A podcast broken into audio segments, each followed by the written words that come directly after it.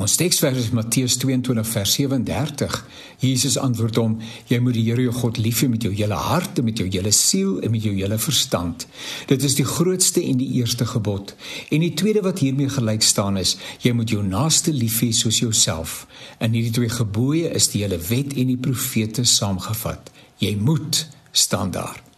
Die opdrag om die Here met ons hele hart lief te hê en ons naaste soos onsself val eintlik vreemd op die oor. Hoe kan jy iemand opdrag gee om lief te hê? Lief lief hê is tog 'n emosionele aangeleentheid. Jy kan rasioneel besluit om iemand lief te hê, maar dit in die praktyk nie so beleef nie. Die Here het uiteraard die reg om opdragte te gee.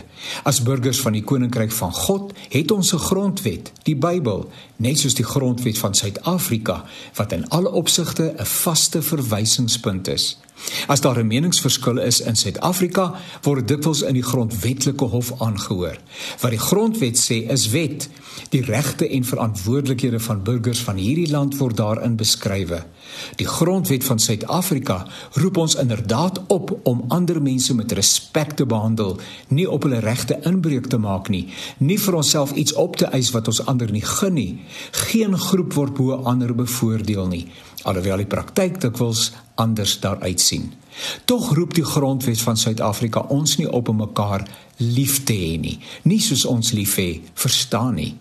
Die koon die grondwet van die koninkryk van God, inderdaad 'n vreemde samelewingsverband met 'n hemelse koning, roep ons om mekaar lief te hê. Die vraag is inderdaad hoe 'n mens liefde in jouself kan aktiveer. Ons mag burgers wees, maar ons stry steeds teen ons eie voorkeure. Ons worstel met ons vrese en voorbehoude. Ons word deur praktiese oorwegings in ander rigtings gedwing.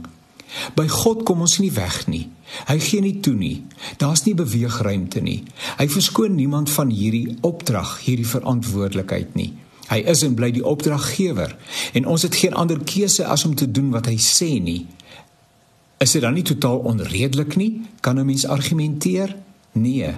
Wat wel onredelik is, is om van 'n heilige God te verwag om ons van ons sondeskuld vry te skeld om ons nie aan die pen te laat ry vir die dom keuses wat ons maak nie om ons nie verantwoordbaar te hou vir die rebellie en die opstand en die verwerping van sy gesag en ons eie eie willigheid nie as hy ons dan so absoluut onverdienstelik liefgehad het hoeveel te meer behoort ons dan nie vrywillig vir die liefde te kies nie ons sing ek wat vergifnis hier ontvang het sing dankbaar my verlossingslied kan ek maar sê my liefdeslied 'n Ander lied klink so: Ek aanvaar jou met die liefde van die Heer. Nog een sê: Praat ek mense engele tale, maar ek het nie liefde nie, is my woorde hol simbole, klanke sonder melodie.